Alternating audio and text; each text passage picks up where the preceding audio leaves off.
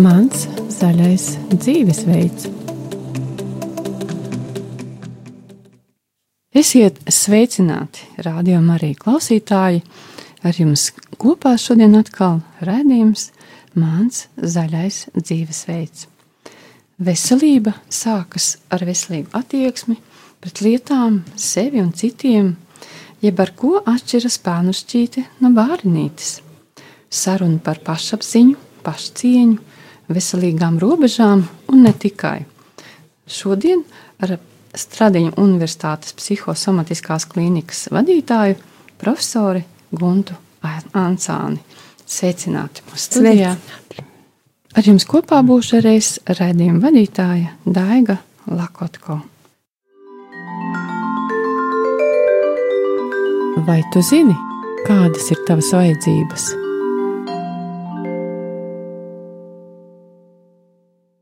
Bet šobrīd sākam sarunu ar profesoru Guntu Ancāni. Un lūk, ko es varu teikt no savas puses.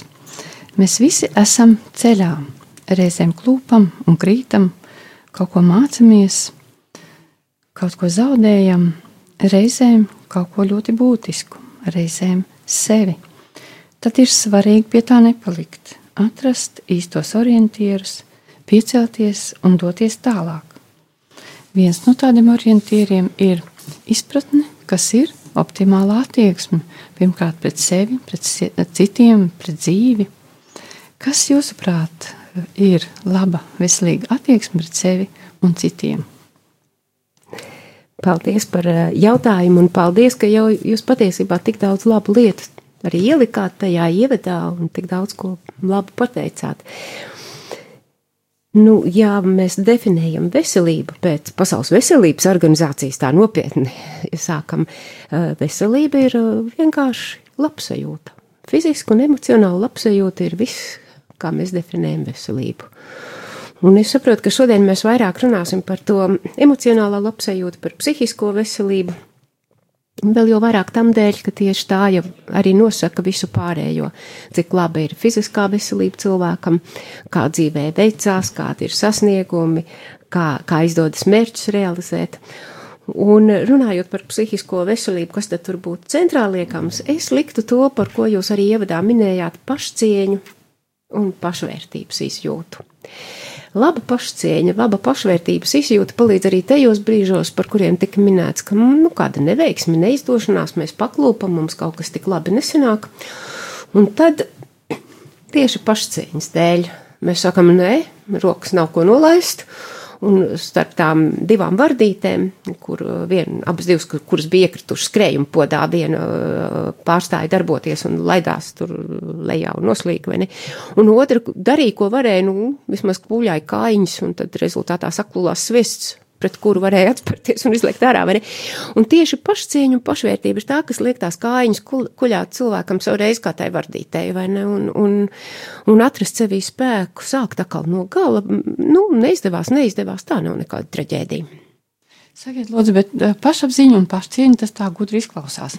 Kā to pateikt tādiem vienkāršiem vārdiem, lai visi saprot, kas ir pašapziņa, kāpēc man viņu vajag un, un, un tā. Pavisam elementāri.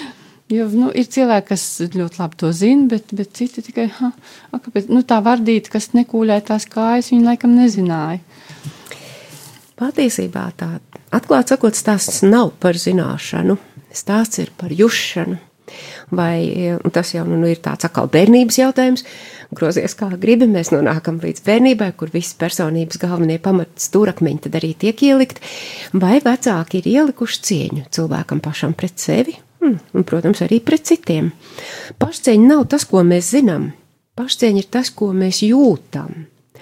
Un, ja vecāki ir gan bieži jautājuši bērnībā, ko tu vēlies, un kā, kas tev patīk, un kas nepatīk, un kā tu jūties, tad tas arī rada veselīgu pašcieņu cilvēkam pašam pret sevi, jo kādam ir svarīgi, kā, kā nu tad es jūtos.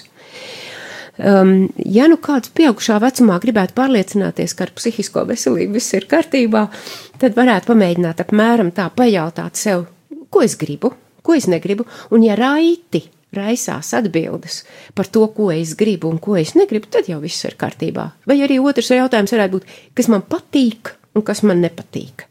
Jo tie cilvēki, kas, piemēram, sāks um, filozofēt pēdiņās, protams, par to, ka, ja es kaut ko gribēšu un, un runāšu par to, tad jau tas būs egoisms. Tur, tur, tur kaut kas nav gluži labi, jo starp uh, veselīgu es gribu un egoismu tur ir plataiza. Mm -hmm. Vai tas nozīmē mm, izpratni par to, kā es, tātad, kā es jūtos, vai es esmu pats, vai es drīkstu būt pats? Jā, tas, tas ir cieši saistīts. Jo es pats mana būtība ir tas, kas man patīk, nu, atbilstoši arī nepatīk, un tas, ko es gribu, un atbilstoši negribu. Un ar to mēs atšķiramies. Mēs maz atšķiramies ar um, fizisko ķermeni. Nu, paskatoties vienu cilvēku orgānu mikroskopā, un otrs tas pats jau vien tās pašas runas. Mēs tur redzam, un uz to balstās visa apmācība anatomijā, histoloģijā un bioloģijā, un arī prāta ziņā mēs esam apmēram līdzīgās zināšanās, pabeidzot vidusskolu, nu, kuram labākas tās zināšanas var būt un plašākas, bet, nu, apmēram jau tā mēs vienādi kaut ko zinām par tām lietām. Lūk, atšķiramies kardināli mēs ar to, ko jūtam. Tas ir tas, kas jo, atšķir cilvēkus. Jo, kas ir tās, tās atšķirības? Kāda, kādas ir variācijas? Vien? Miljoniem. Vienam garšo uh, salāti, un citiem garšo zupas, un vienam garšo kāpostu zupa, un citiem garšo atkal pavisam kaut kas cits, un viens nevar bez gaļas nevienu dienu, un cits gaļu nēd vispār, un vienam patīk tādas drēbes un modes, un kādam citam atkal pavisam savādāk attieksme pret drēbēm. Un ar to mēs esam dažādi, ar savām jūtām, ar savām vēlmēm, vēlēšanām. Mē, viens cilvēks iekārto māju šādā stilā, un otrs atkal pavisam savādāk. Un katrā detaļā, ko cilvēks dara, patiesībā izpaužās šis cilvēka būtība un patība gadījumā, ja viņš iekšēji jūtās brīvs, ar labu tādu pašcieņas izjūtu, darīt to, kā nu viņš grib, un iekārtot to māju tā, kā tā kā viņš vai viņa grib to māju iekārtot. Ja viņš atļauj sev būt nu, tāds, kāds viņš ir, un veikt šo izvēli saskaņā ar to savu dziļāko mm -hmm. būtību. Es drīkstu, ja, teiksim, savu māju iekārtot tā. Un, bet uh, es sapratu, ka nu, ne visi cilvēki uzdrošinās dot sev šo atļauju. Diemžēl mēs zinām, ka tā ir. Un tad to laikam sauc par, par kā to sauc? Nu, nu, tas ir tas, tas, tas to, grāvis, kad cilvēki tā kā pazaudē to sevi. Jā, to sākā, sā, sākās ar to, ka cilvēks pirmkārt pazaudē emocionālu labsajūtu. Piedošana, gan jāsaka uzreiz, ir cilvēki, kas nekad nav jutušies labi. Atnāk pie mums pēc palīdzības uz psihosomatikas klīniku. Cilvēks, kuram nu, piemēram, 34 gadi, un tad mēs sākam to mm, situācijas un stāvokļu izvērtēšanu. Un mēs nonākam pie tā, ka patiesībā nekad tas cilvēks savā dzīvē nav jūties labi. Un, un tie ir tie vieni no sarežģītākiem gadījumiem, kā cilvēkam atdot to, kā nekad nav bijis labsajūta, vai ne? Bet, bet tā, atgriezo, atgriežoties precīzāk, pie jūsu jautājuma. Tajā brīdī, kad cilvēks jūtās spiests aiziet prom no savas būtības, no savas patības un darīt tā, kā citiem patīk, un ko citi saka, tā vietā, lai darītu to, ko pats vēlētos darīt, un justu to, ko pats jūt. Un tajā brīdī pazūd tā emocionālā labsajūta, un sāks vai nu trauksme, vai, vai depresijas, vai nomāktības, vai aizkaitinājumu un īgnuma pilni tādi stāvokļi. Un bieži vien šie stāvokļi, mm, nu, fizioloģisku procesu rezultātā, bagātinās ar dažādiem ķermeņa simptomiem. Un tad tādus ķermeņa simptomus ārstam izārstēt ir ļoti grūti, ja nepieskarās arī pie emociju ārstēšanas, kuri, eh, kuras šos ķermeņa simptomus ir izraisījušas. Un te nu mēs tad nonākam tiešā veidā pie psihosomatiskiem traucējumiem un slimībām. Tātad sākums ir galvā. Nu, tā jau, tā jau gudri cilvēks saka, ka viss sākums ir galvā. Jā. galvā. Un vispirms jāskatās, kas notiek tīri šajā emocionālajā aspektā. Un, tātad egoisms, jūs teicāt, un šī spēja realizēt uh, savas vajadzības, ka tas nav viens un tas pats. Vai jūs varat pastāstīt tos polus, kas, kas tur ir pa vidu, kur ir tā robeža, kad, kad mans, uh, tā mana vajadzība apmierināšana pārvēršas par ego? Kas ir nu, tā, pat tādā sliktā nozīmē. Es īstenībā pat nesaucu to par ego, tas ir laikam ir dzīvošana uz citu rēķinu, kas savas vajadzības sāk apmierināt uz savu tuvāko rēķinu. Kurā brīdī tā robeža tur iestājās? varētu pastāstīt? Nu, lielā mērā jau jūs to tikpat kā definējāt. E, psihiski veselam cilvēkam piemīt tāda prasme, kā pateikt, ko es gribu. Pašam sev, ko es gribu, ko es negribu, kas man patīk un kas man nepatīk. Tas ir ārkārtīgi svarīgi, jo parasti mm, šīs vēlēšanās izaugus tāda fizioloģiska pamata. Ir cilvēki, kas, piemēram, nepanes taukainu barību, un, ja tur dziļāk paskatās, tur bieži vien ir kāds gremošanas ferments, kurš nemaz šim cilvēkam tā īsti nav, varbūt tik lielā mērā dots no mm. dabas kā, kā kādam citam. Tā kā tā, tā, tas, tas nu būtu tas um, jautājums par cieņas pilnu pieeju cilvēka vēl, vēlmēm. Un, ja kāds saka, es šito neēdu, tad, tad, tad arī varbūt nevajadzētu ēst, vai ne? Tā kā šis es gribu un negribu ir veselības rādītājs. Un kamēr cilvēks savā dzīvē eh, to respektē, tā ir vienkārši psihiskās veselības lieta, jo neviens cits jau nevar izjust tavā vietā, kas tev patīk, kas tev nepatīk. Nu, iedomājamies, mēs pieejam pie galda, un, un, un, un, un, un, un viens cilvēks saka, o, oh, šitos salātiņus es gribu, šitos gan es negribētu, vai ne? Nu, nu pilnīgi skaidrs, ka tur ne, nav, nav ko komentēt. Tāpat mēs katrs pats tikai varam pateikt, kas mums garšo labāk, un kas mums nemaz negaršo, un nu, piespiest Vai ne? Tas, tas jau būtu cietsirdība. Tos savus organismu signālus jau es uztveru, Jā. un tad ir mana atbildība saprast, ko, ko man tas organisms prasa, un sagādāt viņam to, kas vajadzīgs. Bet kaut kādā brīdī, piemēram, nu, mēs esam sabiedrībā. Paka, paka, es vēl gribētu, ah, lūdzu, vēl drusciņu, vēl drusciņu gribētu šeit palikt. Un, un es tā drusciņu provokatīvi gribētu teikt, ka egoisms būtu nerespektēt savas jūtas. Jo kas tad notiks, ja es ēdīšu to, kas, piemēram, nu jums tur liksies, man vajag, ko man vajadzētu ēst. Jā. jā. Pēc tam sāksies vēders sāpes, jā, un es pa visu iedzīvotāju kopīgo naudu došos uz slimnīcu slimnīcu, mani ārstēs, es izlietošu sabiedrības kopējos līdzekļus, slikti jutīšos, tur nevarēšu palīdzēt citiem cilvēkiem un būšu citiem par nastu. Oh, egoisms, slimot ir egoisms, ja tā, mēs drusku provokatīvi uz to paskatāmies. Mm. Tā tad darīt to, ko tu gribi ir augstākā mērā veselības izpausme. Saprotams, tajās robežās, kādās tu to vari atļauties dotajā brīdī.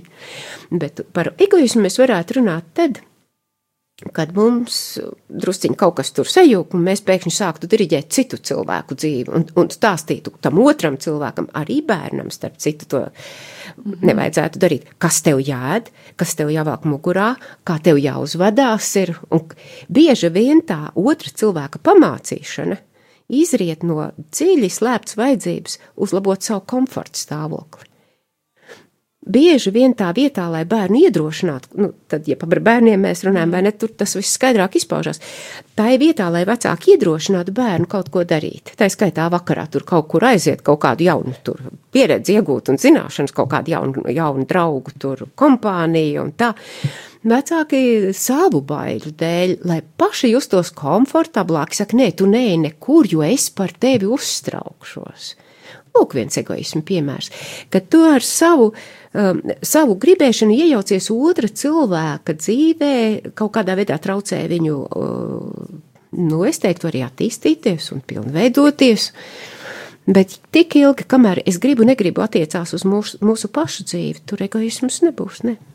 Tas nozīmē tad, ja man ir viedoklis, kas tam otram jādara, ka tas jau ir simptoms Simptoms tas ir tajā brīdī, ja mēs to pasakām tādā veidā, it kā mēs tiešām būtu tiesīgi to teikt.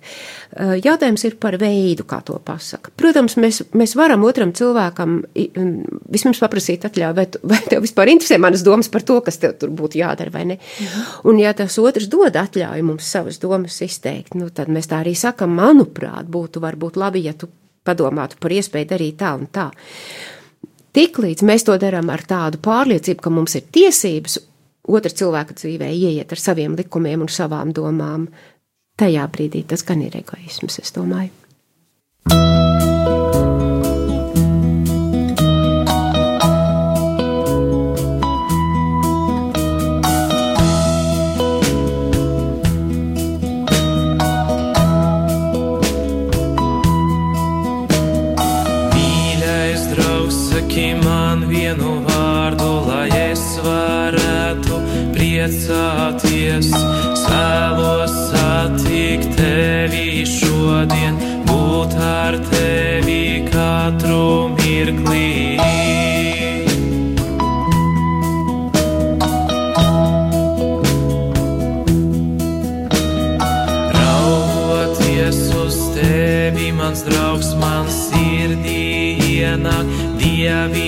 Miers. Paceļu savās rokas uz debesīm un skaļā balsī iesaucos. Tēvs nāc man palīgā, jo es esmu grēkojis pret tevi. Tēvs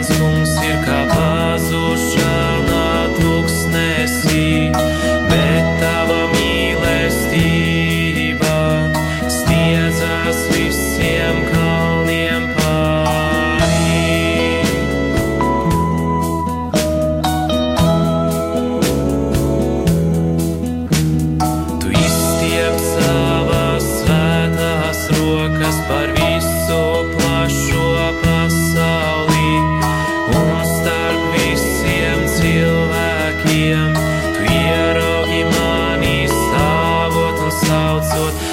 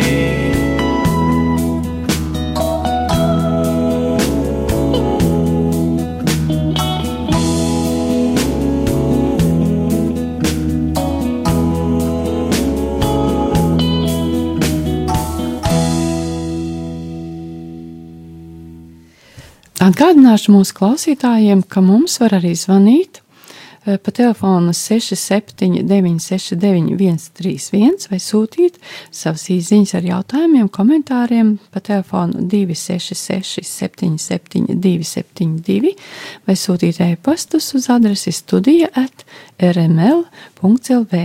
Atgādināšu, ka mūsu studijā šodien ir eh, Stradiņa Universitātes psihosomatiskās klīnikas vadītāja profesori Gunta Ancāni.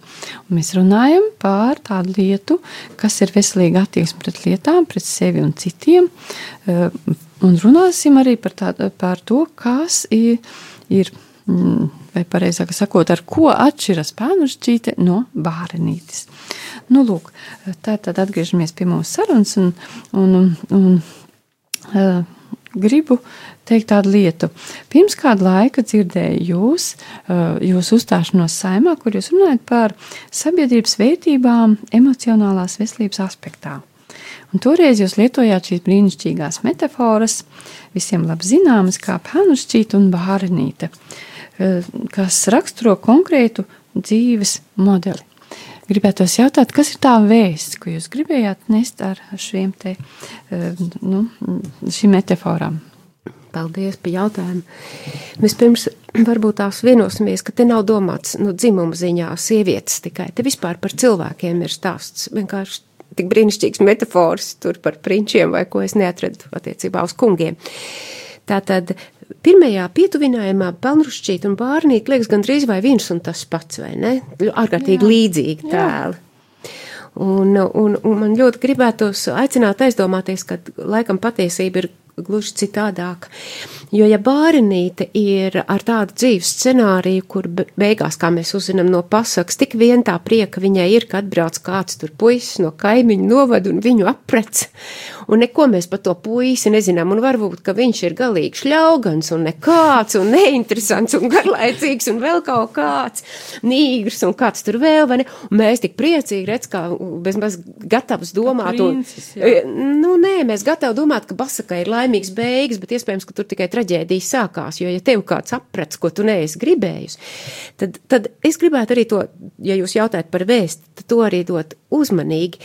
Vajadzētu tā droši vien skatīties līdzi, un es būtu ieinteresēta, un, un katrs priecīgs paraudzīties līdzi, lai nu nebūtu tas bārinītis liktenis, kur tev beigās aprec tas, kurš tevi grib apprecēt, respektīvi tu visu mūžu dari kaut ko, ko citi grib, lai tu dari, bet tu praktiski nedari neko, ko tu pati gribētu darīt. Tu nemaz nezini, tu nemaz ar tādiem jautājumiem nenodarbojies.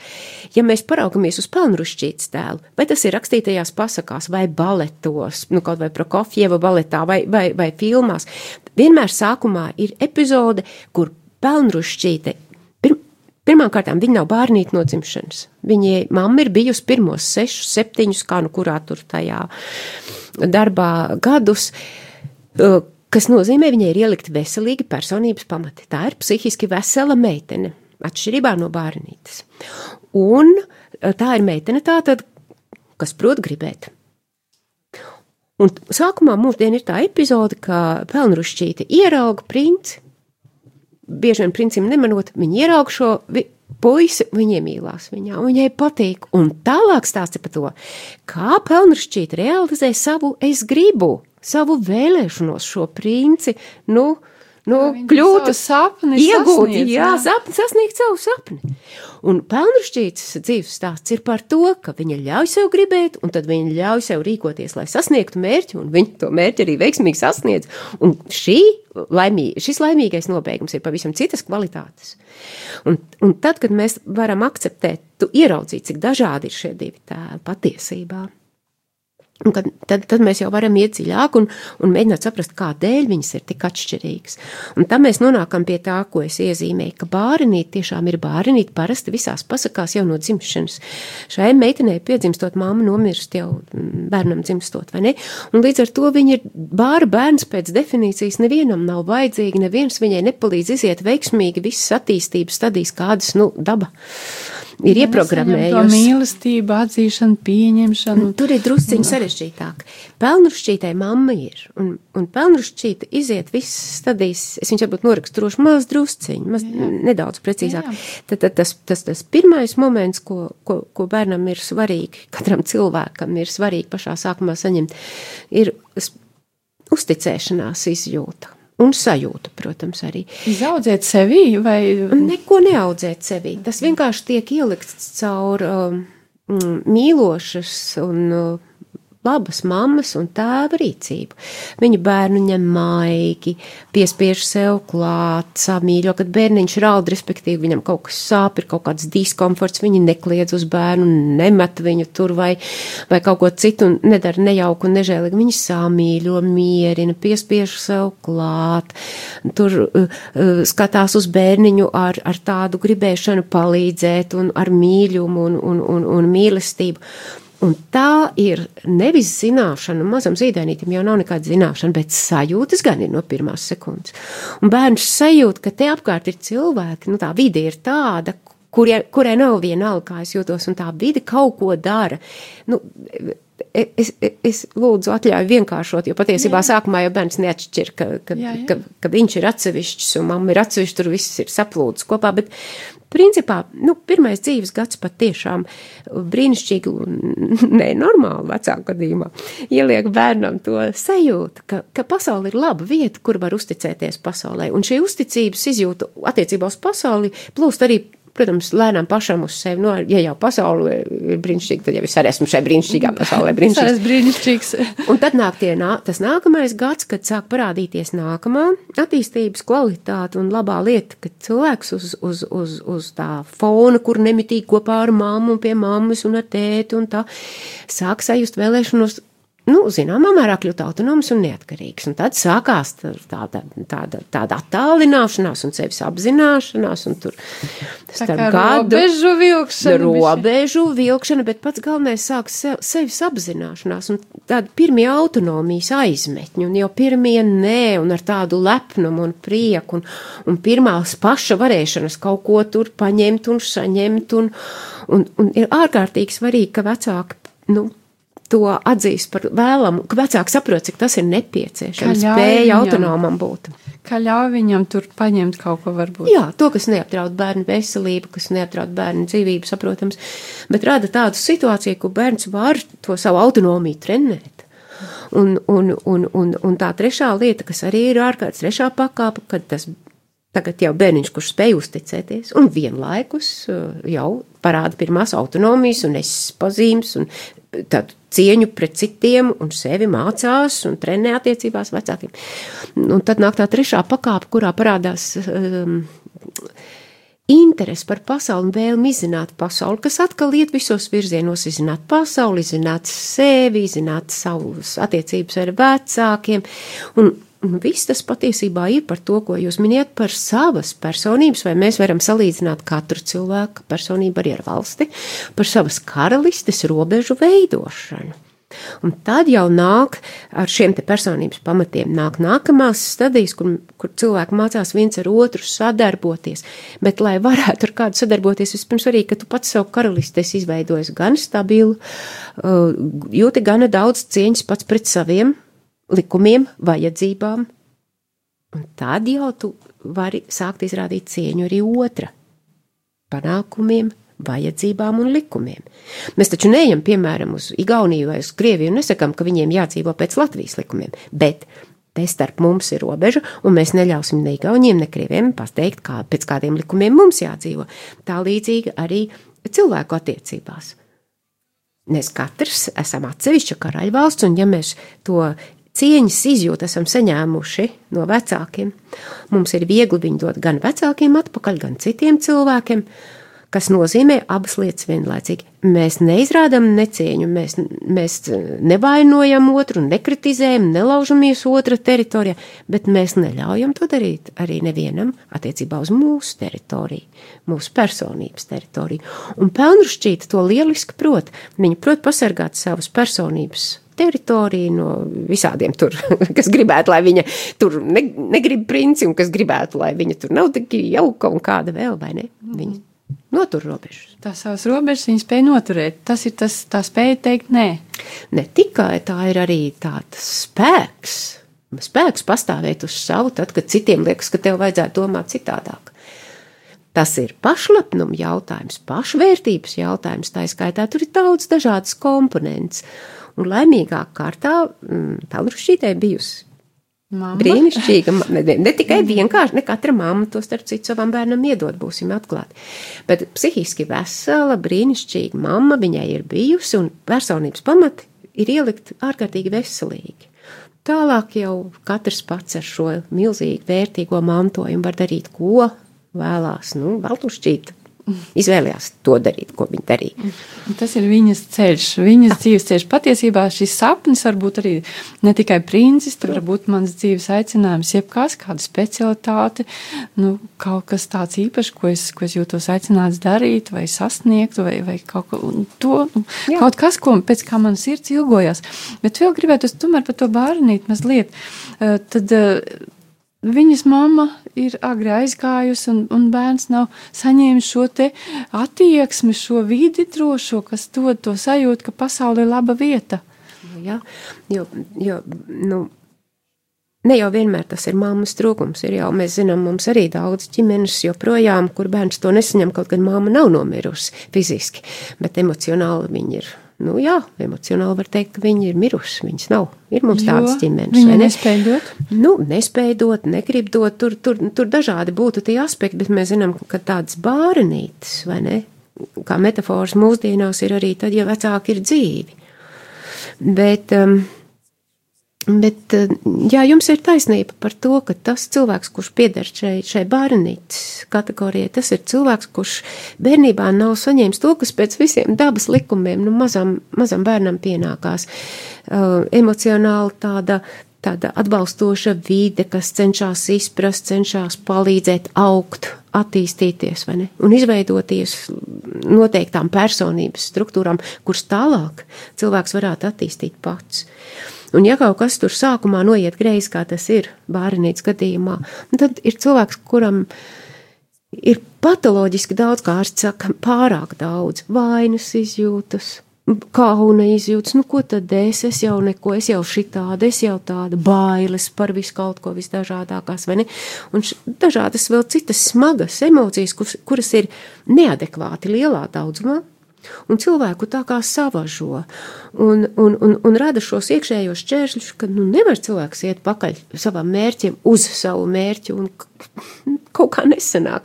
Bet kas tad tas bremzētājs ir? Viņa paša iekšējās smagās jūtas. Tā attieksme, es jau nevaru, es neko, es nedrīkst, nu, un ko tad tie citi teiks? Un, Man un kaut kā- nepienāks. Jā. Daudziem cilvēkiem mūsu sabiedrībā tomēr ir arī tā sajūta, nu kas tad es, es esmu tukša vieta. Un tas ir īpaši sāpīgi. Nu, tas ir tas pats, ko jūs teicāt. Man nepienāks. Es esmu nekas, es esmu tukša vieta. Es jau neko nevaru. Es neko, un tad, kad mēs tā eh, psihoterapijas laikā ejam atpakaļ, vai ne, tad mē, ar daudziem cilvēkiem iznāk nonāk tajā punktā, kur tieši tādas ir tās pamatizjūtas no bērnības, būtot kopā ar tēvu vai māti. Sēžu izgulējies, lai laiks un domas skrien, kā gribu aizlaisties ar saviem rīta putniem, atveru logu vaļā, atveru logu vaļā. Rakstu pirmo burtu, varbūt paveiksies, jau ir pirmā rinda, diena izdosies. Kāpēc ir tāds klusums, kāpēc ir tāds klusums, kur ir palikuši mani? Rīta putni atver logu vaļā, atver logu vaļā. Rozes aplaistītas, suns ir nobučots, romāns tuvu punkts tik jāpieliek. Atkal jau tas klusums, atkal jau tas klusums, kur ir palikuši mani rīta putni atver logu vaļā. Atver logu vaļā.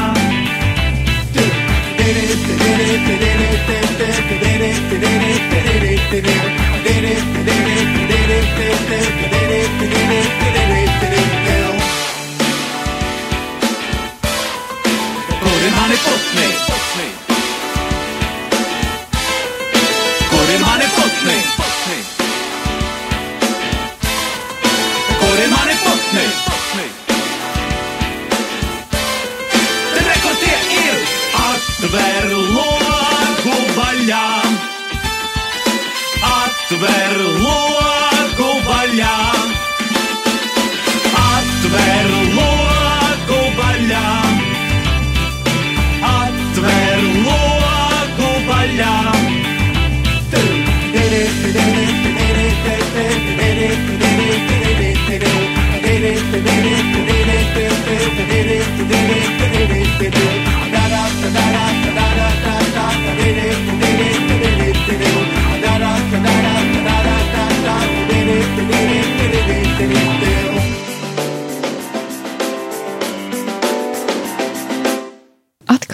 esam studijā un joprojām runājam par to, kas ir pašapziņa, pašcieņa, kas ir mēģinām saprast, kas ir labas, veselīgas robežas, kāpēc mums tās vajag.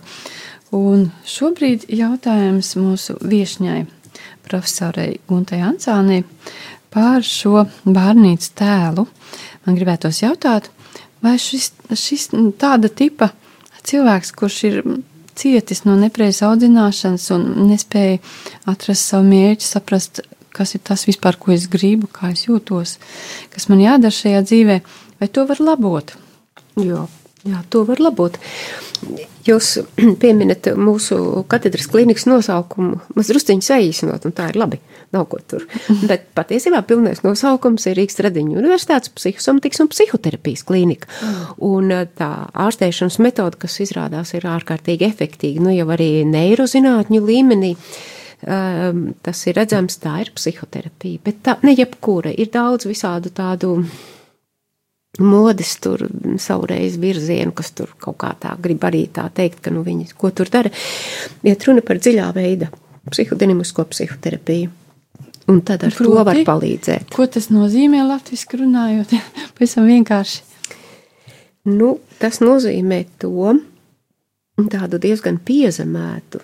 No vienas puses, no otras puses, protams, tas ir, tas ir brīnišķīgi dziļš darbs, bet tādu uh, tādu iedziļināšanos otra cilvēka psihē, kas ļauj mums aiziet līdz traucējumu nu, maksimāli iespējamajam sākumam.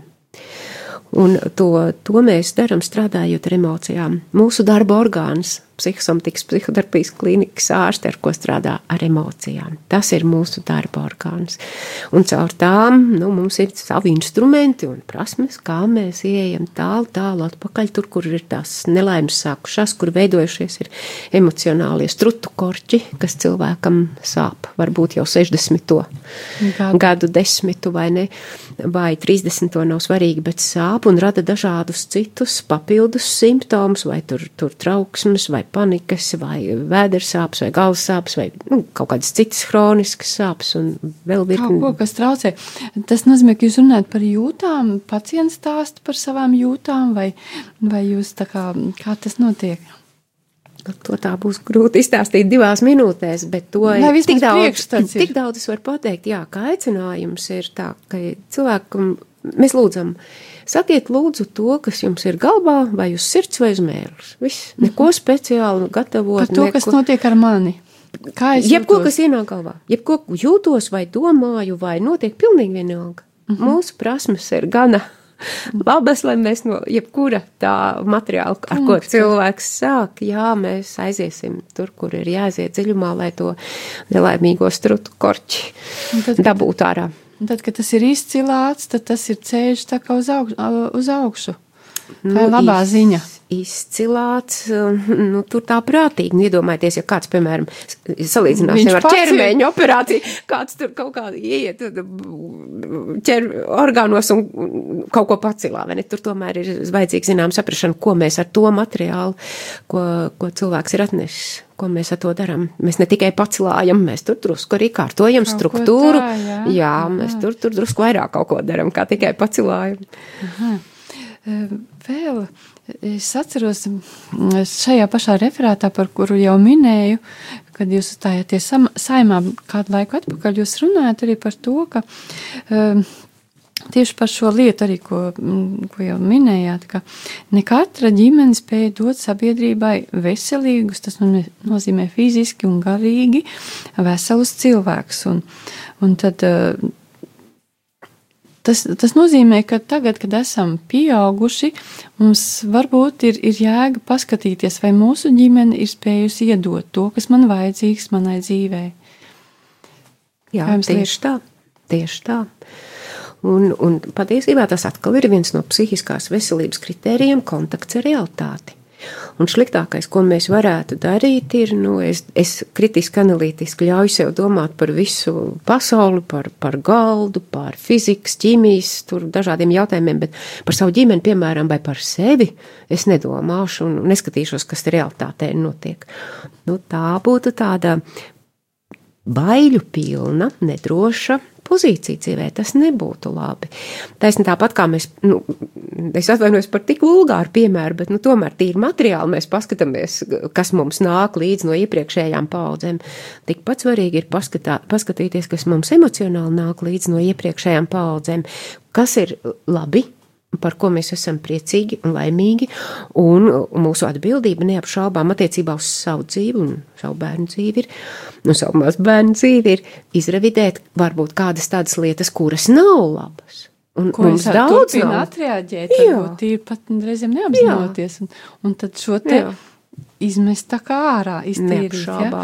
Un vēl jautājums par to, ka tad mēs saprotam, ka ir labas attiecības, kas dziedē dvēseli, ja viņi piedzīvojas kādas traumas, un ir tādas, kas eh, man nepalīdz attiecības, tad, tad eh, iespējams, ka vajadzētu vairāk domāt par to, un ko jūs par to sakat, par tādu izvēli, ka es ne katrā sabiedrībā palieku, ja ir diskomforts. Jā, protams. Vai jūs varētu pastāstīt šo aspektu? Kā, teiksim, nu, ir tādi cilvēki, kas, kas domā, nu, es būšu labs, es piedošu, piedošu, piedošu. Un īstenībā kristīgā vide uz to arī aicina, kad es piedošu, piedošu, piedošu. Bet eh, patiesībā tas nevienmēr attaisnojas. Nu, par to piedošanu, es domāju, ir ļoti diskutējams jautājums. Sāksim ar to, lai kādam kaut ko piedotu. Tīri loģiski. Būtu nepieciešams, lai kāds šo piedošanu lūgtu. Un pat tad reizēm mēs varam piedot, un reizēm mēs nevaram piedot. Ir tādi nodarījumi, ko nu, cilvēks ir cilvēks. Un ir lietas, ko piedot, ir ārkārtīgi grūti, kur vajadzīgs laiks, lai piedotu pat pēc tam, kad cilvēks to piedošanu ir palūdzis. Un otra lieta piedot, vai tas nozīmē, ka viss turpinās tā kā līdz šim. Lietām būtu būtiski, kardināli jāmainās, jo, ja kāds lūdz piedošanu, tas nozīmē, ka tā kā ir bijis līdz šim, kaut kas ir bijis galīgs čēršām, un tagad nu viss būs. Un viņš to saprot. Un viņš to saprot, un tā ir savādāk. Par to, vai mums vajadzētu sev piespiest palikt tur, kur mums nepatīk, es domāju, tas jautājums tāpats, vai tāds pat, vai mums vajadzētu ēst um, pie galda atrodoties to, kas mums negaršo. Nu, bet, protams, ka ne. Nu, bet, protams, ka ne.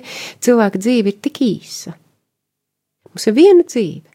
Un ja mēs tajā laikā nu, kādu daļiņu no tās metam zemē un neizmantojam, lai priecātos, lai attīstītos, es domāju, pašcieņa prasa nēst to, kas negaršo, un nēst vairāk kā gribas. To, un, nebūt, organismam. un nebūt kopā ar cilvēkiem, ka, ar kuriem nav patīkami būt kopā, jo arī tas patiesībā kaitē organismam. Organisms ir viens vesels fizioloģiski. Tur nekas nav atdalīts. Tur nav divas vai trīs daļas. Ir viens organisms, un tās mūsu emocijas re regulē katru vissīkāko organismu šūnu. Tā kā aiz cieņas pret sevi un savām jūtām mēs, protams, nepaliekam tur, kur mēs negribam palikt. Proti, vardarbīgās attiecībās. Ne tikai. Mēs varam nepalikt. Es atvainojos arī koncertā, kas mums liekas nepieņemams un iet pēc pirmās daļas projām. Tas, es vienkārši aicinu, piedošanu Jā, par jā. provokāciju. atkal. Tas nav tikai par galēju jau tādu stāvokli kā vardarbība, vai ne? Jā. Daudz lietas mums var nepatikt un aiz cieņas pret sevi. Mēs atbilstoši rīkojamies. Nevis domāsim, nu kā tagad tie koncertu organizatori jutīsies. Es Labāk, lai viņi ir komplektā arī jautāt, ka šis nebija labs koncerts vai nebija labs veids, kā tas tika pasniegts, un nākošais varbūt kaut ko pamaina, vai ne? Cieņa tas nozīmē respektēt Nu jā. sevi un mācīties respektēt arī citus. Lūk, ar, Ja drīkst, Jā. es domāju, ka tas nav jāmācās. Ja ir tā pašcieņa, tad automātiski cilvēks, kurš respektē sevi, respektē arī otru. Tas notiek automātiski. Ja nav pašcieņas, un tad cilvēks mēģinās tagad pēkšņi respektēt otru, ļoti bieži tad izveidojās nevis cieņas pilnas attiecības, kuras ir līdzvērtīgas, bet izveidojas tādas no apakšas uz augšu. Sevi es necienu otru, un tagad es tur vērtēšu, un tas jau iznāk tā- tāda idealizēšana tā otra. Tā vairs nav cieņa. Un pats es esmu te apakšā, un es jau nu tur kādu šitādu, un vēl kaut kādu, un tas otrs, te nav cieņas ne pret sevi, ne pret otru. cieņa ir līdzās. Jā. Lūk, ar šiem vārdiem šobrīd beigsim mūsu sarunu.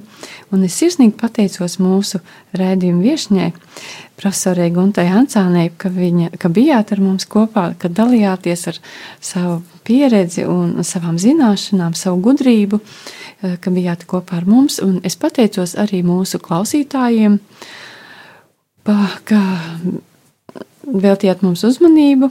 Un uz tikšanos nākamajā reizē ar jums kopā biju es, redzējuma vadītāja Daiga Lakotko.